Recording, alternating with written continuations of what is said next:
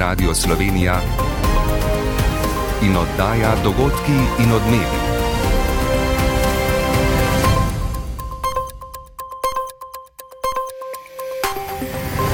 Ura je 15 in 30 minut. Dober dan. Pozdravljeni, tudi danes začenjamo z razmerami v zdravstvu. Že o polnoči se je pred Bežigrajsko enoto Ljubljanskega zdravstvenega doma, kjer od torka opredeljujejo nove bolnike, začela nabirati množica ljudi, ki nimajo izbranega zdravnika. Ministr za zdravje Daniel Bešič Loredan je do načina upisovanja kritičen, prav tako varuhinja pacijentovih pravic Mojca Mahkota. Takšna situacija je po mojem mnenju odraz slabe organizacije postopka vabljenja pacijentov, ki zbiri zdravnika. Ta bi moral biti organiziran na dostojnejši način. Je uživanje manjše količine mesa ustrezen odgovor na izzive, ki jih prinaša prehod na trajnostne prehranske sisteme? Manj mesa na krožnikih je v skladu s priporočili Nacionalnega inštituta za javno zdravje dobro za zdravje, Ana Hčin iz gospodarskega interesnega združenja mesne industrije pa o prehodu k trajnostnim prehranskim konceptom tako. Da bi mi morali najprej ozavestiti potrošnike, da bi kupovali lokalno in da bi hrano, ki jo kupijo, tudi zaužili. Problem so isto završki hrane. Učenec, ki ga je v osnovni šoli Šmarje pri Kopru s kladivom po glavi udaril vrstnik, je že v domači oskrbi. Napadalec naj bi nekatere učence in učitelje vnaprej obvestil, da jih bo pobil. So grožnjo vzeli resno? V Ukrajini je kljub ruski razglasitvi enostranske prekinitve ognja slišati topništvo obeh strani.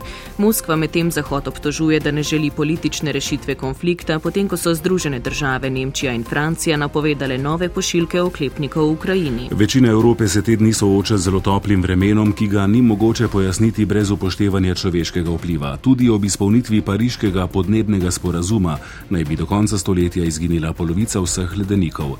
Delno jasno in razmeroma toplo toplo vreme se bo pri nas nadaljevalo tudi jutri, bolj oblačno bo ostalo na primorskem in notranskem. Z vami sva Rok Kožel in Lučka Majcenovič. Medtem ko ministr za zdravje Daniel Bešič Loredan zatrjuje, da pri nas v zdravstvu ni izrednih razmer, vsaj v večjem delu države ne, se je danes v Ljubljani pred zdravstvenim domom Bežigrad spet odvila prava kalvarija. Že od zgodnih jutranjih ur se je tam vila dolga vrsta ljudi, ki so čakali na opredelitev pri dveh osebnih zdravnicah, ki sprejemata nove pacijente. Razmere na terenu je preverjal René Markič. Prvi so se v vrsto postavili že po noči, zaviti v odeje in opremljeni stoli. Med čakanjem so opozarjali, da je to nedopustno in ponižujoče. V zdravstvenem domu Bežigrad so nam povedali, da so opredelili vse pacijente, ki so se do 8 ure postavili v vrsto. Svojo osebno zdravnico naj bi tako danes, po njihovih podatkih, dobilo okoli 350 pacijentov. Poslušajmo, kaj so čakajoči zjutraj povedali za našo televizijo. Jaz sem bil ob 4 zjutraj že tle. Ja. Jaz malenkost kasneje, ampak uh, tisto, kar je organizacija dela, še pa jim pacijenti smo številke, ne. to je zdaj očitno vratelj tako. tako Se mi zdi, da je grozljivo to zdravstvo zdaj zadnje čase. Tako da, če bom pa urang bolana, bo pa treba iti pač na urgenco. Kljub temu, da ob deseti uri pred zdravstvenim domom ni bilo več vrste, pa jih je še vedno okoli 30 pred ambulanto čakalo na opredelitev. Do postopka je kritična varuhinja pacijentovih pravic Mojca Mahkota. Trenutna situacija je po njenem mnenju namreč odraz slabe organizacije postopka vabljenja pacijentov, ki zbiri zdravnika. Ta postopek bi moral biti organiziran na dostojnejši način. To, kar je zdaj pač izgovor eh, zdravstvenega doma, da dopušča take vrste pred zdravstvenim domom in sicer po noči, že mandat danes ob enih po noči so začeli ljudje tam stati, bolni, stari. Res se mi zdi to nečloveško. Čakajoče je zjutraj skušal pomiriti tudi ljubljanski župan Zoran Jankovič, a je sodeč po posnetkih, ki so zaokrožili po spletu, med njimi vzbudil še dodatno vznemirjanje. Iz Zadala Bežigrad so pred nekaj minutami sporočili, da bodo glede na izkušnje zadnjih dni v naslednjem tednu pacijente ko predelitvi vabili. Prednostno bodo klicali najbolj ranljive skupine, starejše in kronične bolnike nad 65 let, ki so izgubili zdravnika v enoti Bežigrad. Pacijente zato pozivajo, naj pridejo v zdravstveni dom Bežigrad za opredelitev le v primeru klica in do termina. Na dolge vrste čakajočih, ki so danes že drugi dan čakali pred vrati Bežigrajskega zdravstvenega doma, se je opovdne odzval tudi minister Loredan. Snežana Iljaš je z nami za več pojasnil, kaj pravi torej minister, čuti odgovornost, bo ukrepal. Pozdravljeni. Ja, minister pravi, da se sicer čuti objektivno odgovornega, da pa ima predvsej zvezane roke in tudi razrešitev vodstva ZD Ljubljana ni v njegovi pristojnosti, pravi prst pa usmerja v ljubljanskega župana Zorana Jankoviča in občinski svet. To, kar se zdaj dogaja, pa je absolutno nedopustno, pravi. Jaz mislim, da tako Zavod za zdravstveno zavarovanje kot sleherni zdravstveni dom v vendarle dobi informatizacije in digitalizacije morata najti skupaj drugačen način upisovanja pacijentov preprosto preko telefona, ljudje so lahko obveščeni, vsak lahko dobi, bom rekel, svoj listek tudi digitalno. E, kot smo slišali, naj bi v ponedeljek vendarle bil nekoliko drugačen način opredeljevanja, se bo pa minister glede tega prihodnji teden sešel tako z ZZS kot županom in predstavniki mestnega sveta, med drugim tudi glede namigov, da naj bi župan nameraval prodati dve enoti zdravstvenega doma, ki sta zgrajeni na dobrih zemljiščih. No, pomankanje družinskih zdravnikov je sicer problem, ki ne tare samo Ljubljane, ampak vso državo. Eden od urgentnih ukrepov so ambulante za neopredeljene pacijente. Zakaj je med zdravniki in zdravstvenimi domovi glede teh ambulant toliko zadržkov? Ja, situacija res ni enostavna, kot je danes večkrat zatrdil minister, trenutno manjka okoli 300 družinskih zdravnikov in ne mudoma jih nadoknaditi oziroma zagotoviti, kar je tudi ena od zahtev predstavko pacijentov prihodnji teden, je nemogoče, ne z uvozom, nekako drugače. Zato so ambulante za neopredeljene po njegovem smiselna in primerna umestna rešitev, predvidenih je 94 po vsej državi, vendar pa številke niso zavezujoče.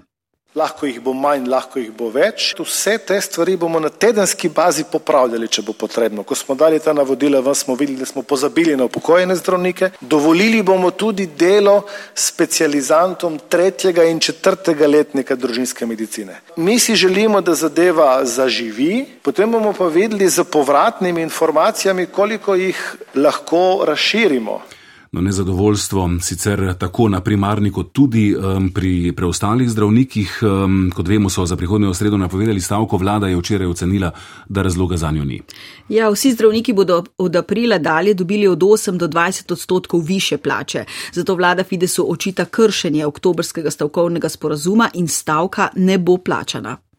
Vlada ne sprejema načina, za katerega se je odločil stavkovni odbor Fidesa. Pogajanja vedno pomenijo kompromis in ne igre, v kateri ena stran dobi vse na račun druge strani in predvsem na račun pacijentov se bo pa minister Loredan, kot je napovedal, v ponedeljek vseeno se še sešel z vodjo pogajalske skupine Fidesa Gregorjem Zemljičem. Ta sicer pravi, da vabila še niso prejeli, pričakujejo pa čim prejšnji začetek oziroma nadaljevanje pogajanj. Pravi tudi, da je možno še morebitna odpoved stavke. Bomo spremljali, hvala lepa, Snežana Iljaš. Proračunski primankljaj je bil lani precej nižji od napovedanega z rebalansom. Znašal je 1,4 milijarde evrov ali 2,4 odstotka bruto domačega proizvoda, čeprav so se decembra izdatki povspeli na kar 2 milijardi. Fiskalni svet opozarja na nerealno načrtovanje, kar bi lahko povzročilo dodatne težave ob spremembi fiskalnih pravil v Evropske uniji, saj bo večji povdarek prav na verodostojnem srednjeročnem načrtovanju. Zdenka Bakalar. Lanski proračunski primankljaj se je ustavil pri 1,4 milijarde oziroma 650 milijonov niže od predvidenega v jesenskem rebalansu.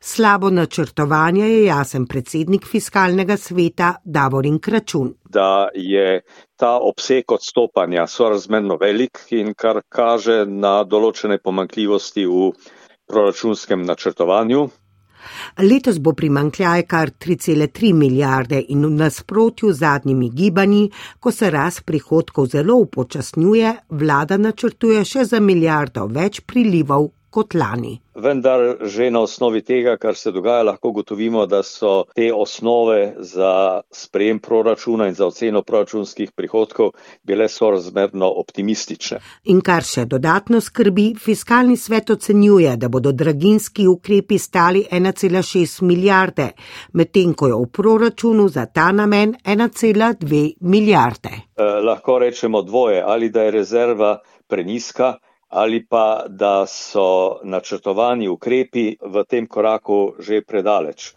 Ob tem pa bo izjemno visok primankljaj 3,3 milijarde terjal vse dražje zadolževanje. Tudi zadnja sicer uspešna prodaja državnih obveznic je bila uspešno prodana že ob sorazmerno visoki obljubljeni obrestni meri. Fiskalni svet opozarja še na izjemno visoko povečanje očiščenih izdatkov, torej tistih, ki niso povezani s korono ali draginjo. Skočili bodo kar za petino oziroma največ doslej. Robert Golop je edini premijer, ki je v svojih nastopih izpostavil pomembno vprašanje prehoda na trajnostne prehranske sisteme. Med drugim je ustanovil svetovalno telo Strateški svet za prehrano, katerega sestava pa dviguje veliko prahu. Prejšnji mesec je v nagovoru evropskim poslancem pozval k manjši porabi mesa. Njegov na prvi pogled sicer všečen pristop je v strokovnih krogih naletel na precej neodobravanja. Pozivanje k manjši porabi mesa v Sloveniji je v skladu s priporočili Nacionalnega inštituta za javno zdravje. Zakaj potem takšno vznemirjanje? Prispevek je nekaj drolec. Podnebne in okoljske krize ne bomo rešili brez prehoda na več rastlinske hrane. Živinoreja je velik povzročitelj toplogrednih plinov v kmetijstvu in je hkrati velik porabnik naravnih virov, tako rodovitnih njiv kot vode. Razlike so velike, Nika Tavčar, umanotera. Za tisoč kalorij govedine porabimo med 500 in 900 litrov vode, svinine 750 po drugi strani pa za 1000 kalorij pšenice porabimo 240 litrov vode, za krompir pa le 80 litrov. Pri prehodu sicer pričakujejo mnogo bolj celovite sistemske rešitve, ki bi povečale prehransko suverenost in pravičnost. Pozivom k omejevanju uživanja mesa v odprtem pismu predsedniku vlade nasprotuje gospodarsko interesno združenje mesne industrije. Razume jih kot konflikt interesov med vlado in slovensko mesno industrijo. Njihova predstavnica Ana Ahčin. Ne vem, tole živinorejo. Do domača uničiti, vse mi bomo mesoglitko jedli, samo prišlo bo steline. Tukaj so še seveda vegetarijanski lobiji, prehranski dodatki, industrija rastlinskih proizvodov. Ukrepi trajnostnega prehoda bi morali biti usmerjeni v ozaveščanje prebivalstva k uživanju lokalne hrane, spodbujanju domače proizvodnje in zmanjševanje završkov hrane. Za predstavnike državnih institucij, kot so fakultete in njihovi inštituti ali oddelki, ki se profesionalno ukvarjajo z raziskavami in analitiko na področju medicine, medicine, prehrane, živilstva in kmetijstva, pa je najbolj grenko razočaranje neuravnotežena sestava strateškega sveta za prehrano. Bojijo se, da člani niso dovolj kompetentni in da bodo predsedniku vlade svetovali v skladu z osebnimi prehranskimi preferencami.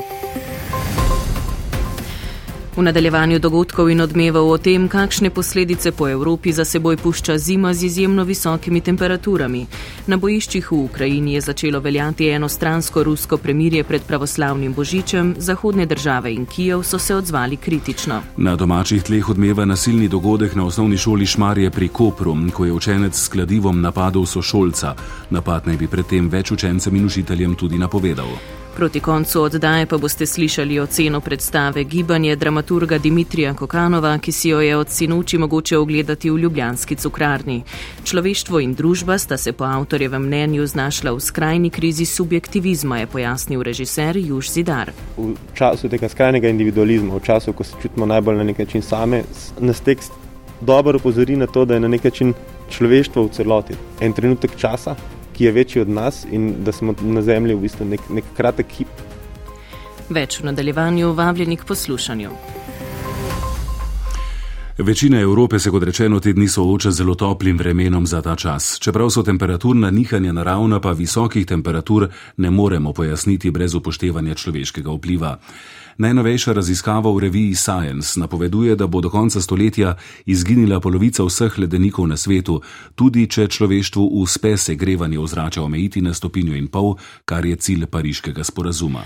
V studiu se nam je z več pojasnili pridružila kolegica Špela Novak. Pozdravljena. Dobar dan. Kot rečeno, je vreme tedni izjemno toplo. O kakšnih vrednostih pa pravzaprav govorimo, ko rečemo, da so temperature visoke? Je nekaj podatkov. 19,4 stopinje Celzija v Drezdnu na Silvestrovo, prejšnji rekord mesecev decembra in januarja skupaj je bil 17,7 stopinje iz leta 1961. Potem v Varšavi 18,9 stopinje na prvi dan novega leta, kar je kar 500 stopinj več od prejšnjega rekorda izpred 30 let. Uh, v Bilbao so 1. januarja izmerili kar 25,1 stopinje, tipična temperatura za ta letni čas pa je okrog 14 stopinj. Skratka, izjemno toplo vreme je v začetku leta zajelo velik del Evrope. Te dni smo izvedeli tudi, da je bilo po še ne popolnih podatkih Agencije Republike Slovenije za okolje lansko leto v Sloveniji najtoplejše v zgodovini meritev. Kakšni pa so podatki drugot po svetu? Ja, zelo podobni. Recimo tudi za Francijo, Španijo, Veliko Britanijo, Švico so podatki enaki, se pravi, da je, bilo, da je bila temperatura v letu 2022 najvišja v zgodovini merjen. Poleg tega je Svetovna meteorološka organizacija pred dvema mesecema objavila podatke, da se je Evropa v 30-letnem obdobju, se pravi od leta 1991 do 2021, v povprečju segrevala za pol stopinje vsako desetletje, torej samo v tem času že za stopinjo in pol, kar pomeni, da se segreva uh, hitreje od drugih celin in dvakrat hitreje od svetovnega povprečja. In tu je torej tudi Slovenija, pri čemer pa se tega zelo očitno vse premalo zavedamo. Toplo vreme pa poleg pomankanja snega prinaša tudi hitrejše izginjanje ledenikov, kar pa ima, kot vemo, zelo hude posledice. Kaj glede tega napovedujejo znanstveniki? Ja, po prej omenjeni študiji objavljeni v reviji Science bo srednja Evropa do konca stoletja ostala praktično brez ledenikov in to ni edina takšna napoved, je pa res še malo bolj pesimistična kot preostale, malo starejše napovedi, ki so navajale, da bi se, če bi nam uspelo globalno segrevanje ometi na stopinjo in pol, izginjanje ledenikov ustalo ustavilo. Namreč po tej napovedi uh, bo tudi v tem primeru do konca stoletja izginila polovica vseh ledenikov na svetu, v Alpah praktično vsi. In to med drugim pomeni večjo nevarnost poplav v fazi taljenja, uh, še hitrejše naraščanje gladine morja, kasneje pa veliko pomankanje vode za ljudi, ki so odvisni od vsakoletnega spomladanskega uh, taljenja snega. In to bo težava tako za kmetijstvo, se pravi pridelavo hrane, kot denimo za hidroenergijo. In tudi to seveda velja tudi za Slovenijo. Špela Novak, hvala za ta pojasnila. Prosim. Zdaj pa k vojni v Ukrajini. Ruski predsednik Vladimir Putin je v času pravoslavnega božiča ukazal 36-urno prekinitev ognja na ukrajinskih bojiščih in pozval ukrajinske oblasti naj se na njegovo potezo odzovejo z enako gesto. Kijev je sodelovanje v prekinitvi ognja zavrnil, rusko stran pa obtožil hipokrizije. Iz Donbasa prihajajo poročila o nadaljevanju obojestranskega obstreljevanja. Tiskovni predstavnik ruskega obramnega ministrstva Igor Konašenkov je zatrdil, da ruska stran spoštuje prekinitev ognja, čeprav ukrajinska vojska nadaljuje obstreljevanje naseljenih območij in položaju ruskih čet. Mihael Amprecht. Prvič od začetka vojne februarja lani Rusija uvaja popolno prekinitev ognja v Ukrajini. Zdi se, da želi Kremelj s to potezo pokazati svojo pripravljenost za mir, medtem ko naj bi bila Ukrajina tista, ki želi nadaljevanje vojne. Svetovalec ukrajinskega predsednika Podoljak je napoved označil za hinavsko propagandno gesto in opozoril, da mora Rusija zapustiti zasedena ozemlja. Vodja samo oklicane Doneške republike Pušilin opozarja, da bodo na ukrajinske provokacije odločno odgovorili, nasprotniku pa ne bodo dali najmanjše možnosti, da bi premirje izkoristil za okrepitev svojih frontnih pozicij. Ukrajinski predsednik Zelenski je v nagovoru v ruščini, namenjen je bil zlasti ruski javnosti, spomnil, da so v Kremlju 12. decembra poslali mirovni predlog v desetih točkah, ki med drugim predvideva popoln ruski omik. Glede ponujenega premirja pa je dejal. Božično premirje želijo izkoristiti kot pretvezo za ustavitev naših fantov v Donbasu in za okrepitev lastne tehnike, streljiva in mobilizacijo enot v bližino naših pozicij.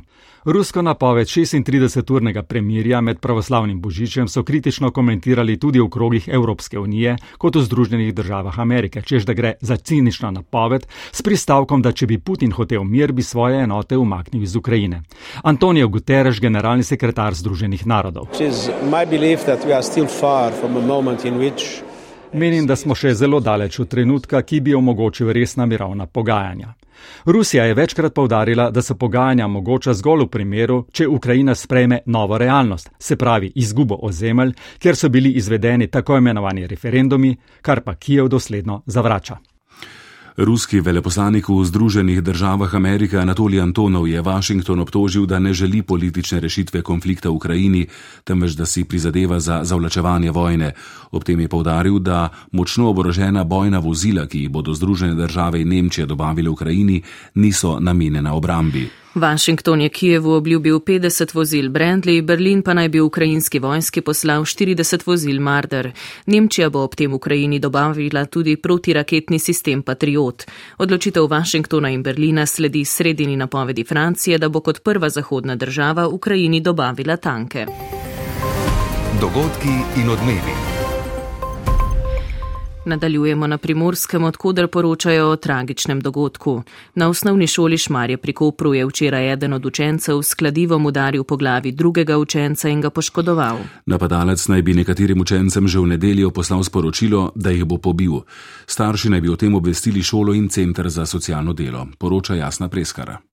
Na osnovni šoli Šmarje je včeraj prišlo do grozljivega dogodka, ki ga je napadalec menda napovedal vnaprej. Prvi dan novega leta naj bi izbranim učencem in učiteljem poslal sporočilo, da jih bo pobil.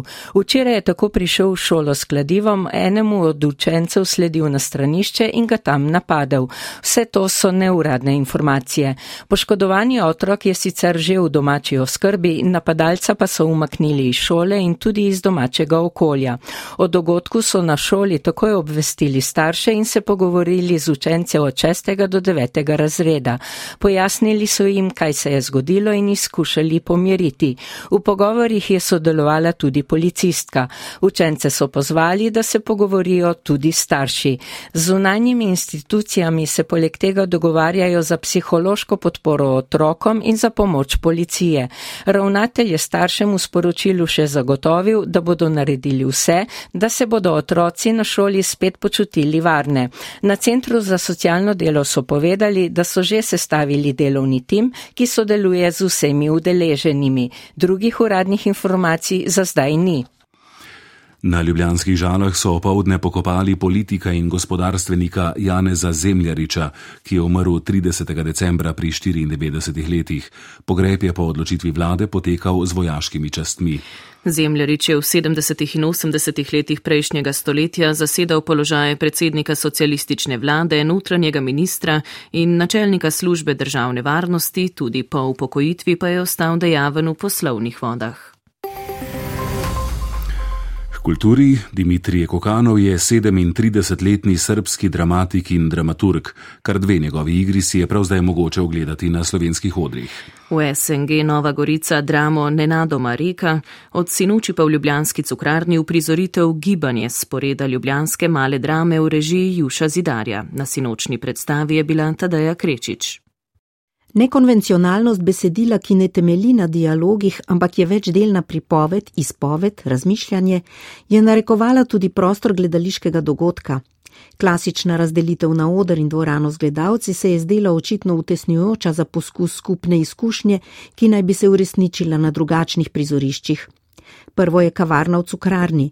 Gledalci smo bili ob mizah, igravci, Polona Juh, Benjamin Krnetič in Nejci Angarlati pa so ob pripovedovanju o svojih izkušnjah krožili po prostoru, na balkonu pa tudi zunaj. Izpovedi pritegnejo, se prelijejo v besedilo Kokanovega, ki spretno prehaja od osebnih strahov in preiskovanja detajlov čutenja do travmatičnih dogodkov človeka, upetega v sodobni proizvodni proces. Človek, družba, svet smo očitno v stiski in avtor predraga izhod iz subjektivizma in antropocentrizma v gibajoče se telo, v telo v prostoru, naprimer v veliki dvorani. Tam naj bi ležeče telo igravca ali gledalca zavestno doživljalo sebe, besedo, glas, okolico.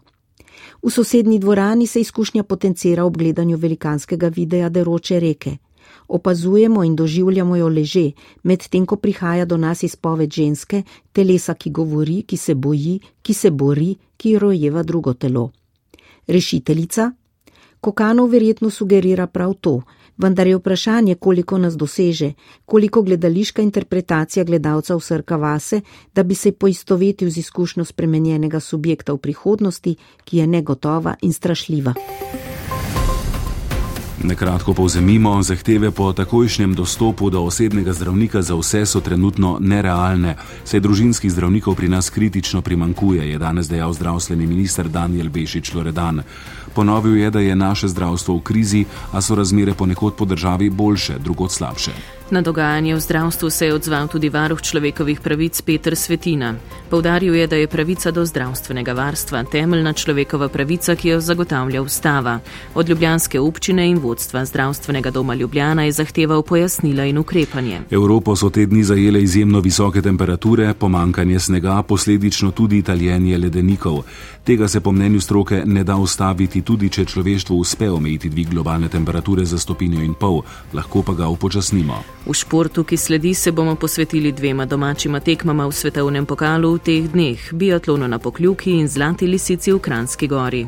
Z zanimanjem pa pričakujemo tudi sklepno dejanje novoletne skakalne turneje. Z vami bo Franci Pavšer. Hvala za pozornost in nasvidenje.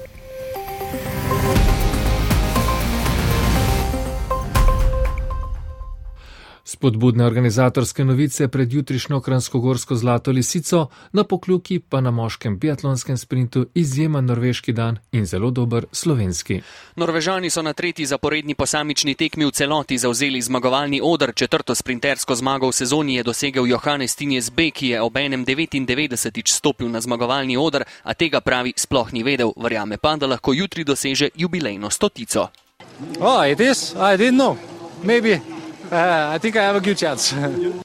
Drugi je bil njegov brat Tarje B, prvič to sezono na zmagovalnem modru, tretji pa Sturla Holm Lagred, ki v skupni razvrstitvi sezone zaseda drugo mesto. Odlično se je odrezal tudi Jako Fak, ki je zgrešil prvi strel, naslednjih devetkrat zadev, na koncu pa osvojil dvanajsto mesto. Prvi zgrešeni strel je bila hitra streznitev. Vesel sem, da sem pol bil zadost zbran, da bi, da bi zadev preostalih devet. Samo če bo počutje še malo boljše, da, da so noge bolj lahke in bom lahko sledil ali pa tudi prehiteval ostale tekmovalce. Tako da upam, da do jutri čim prej pridem k sebi. Med dobitniki točke je bil tudi Miha Dožan, ki je z 22 mestom dosegel eno najboljših uvrstitev v karieri. Tudi on je moral enkrat v kazenski krok na jutrišnjo zasledovalno tekmo, sta se uvrstila še Anton Vidmar 47 in Alex Cisar 57 mestom. Spokljuke ali až Golčer. V nadaljevanju popovdneva bo v spredju razplet 71. novoletne skakalne turnaje, ki lahko v Bišovskofnu prinesle tudi nov slovenski uspeh. Pretekmo, ki se bo začela čez dobre pol ure, je Anžele Nišek namreč na skupno tretje mestu.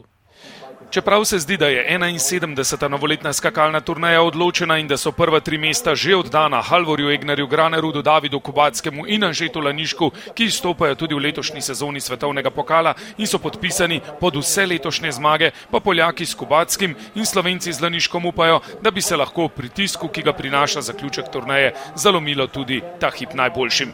Anžel Lanišek, ki bi utegnil postati še četrti slovenec skupno vrstitvijo med tri najboljše v seštevku turnaje, se bolj kot skupnim seštevkom ukvarja s pripravo na 12. tekmo letošnje sezone.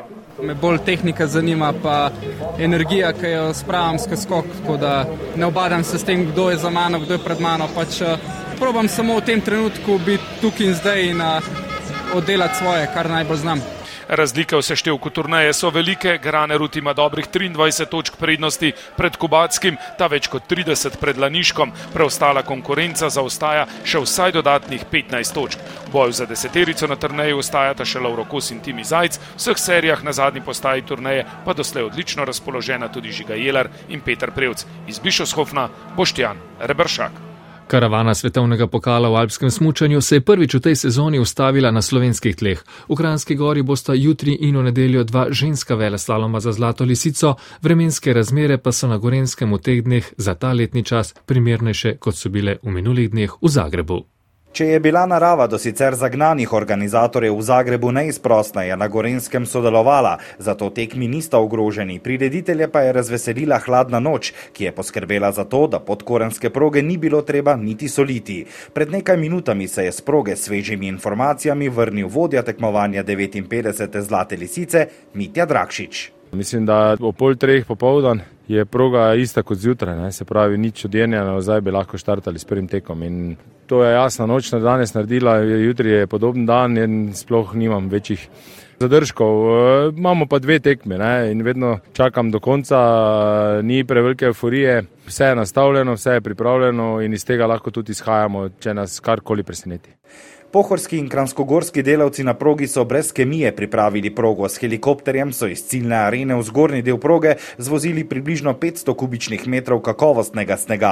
Okolje v podkorenu že dobiva prevleko svetovnega pokala. Organizatori Zlate lisice pa pričakujejo do 3000 gledalcev dnevno in glasno spodbudo za vse tri slovenske tekmovalke Ano Bucik, Tino Robnik in Nejo Dvornik. Prva vožnja jutrišnjega ženskega veleslaloma se bo v podkorenu, odkuder poročam Marko Cirman začela ob 9. uri in 30 minut. Na sprinterski tekmi za svetovni pokal v smučarskem teku v Valdi Femejo sta dva slovenska predstavnika izpadla v četrt finalu, Eva Urevce bila 23, Miha Šimenc pa 26, obe zmagi na Norveško, najboljša Lota Udne Svenk ter Johannes Hesflot Klebo. Aleksandr Čeferin, aktualni predsednik Evropske nogometne zveze, je tudi uradno edini kandidat za predsedniško funkcijo v naslednjem mandatu. Rok za prijave se je iztekel včeraj. Mednarodni institut za nogometno zgodovino in statistiko je za najboljšega vratarja v 2022 razglasil belgica Tiboja Kurtvaja. Slovenski reprezentant Jan Oblak je na sedmem mestu, najboljši nogometaš je prepričljivo argentinec Lionel Messi, priznanje dobil že 12. v karieri. V 59. letu je zaradi raka na trebušni slinovki umrl nekdani italijanski nogometaš Gianluca Viali. Poslušali ste oddajo Dogodki in odmevi. Urednik Niko Robaus, voditelja Ljudska Majcenovič in Rok Kožel, tonski mojster Matic Ferlan. Radio Slovenija.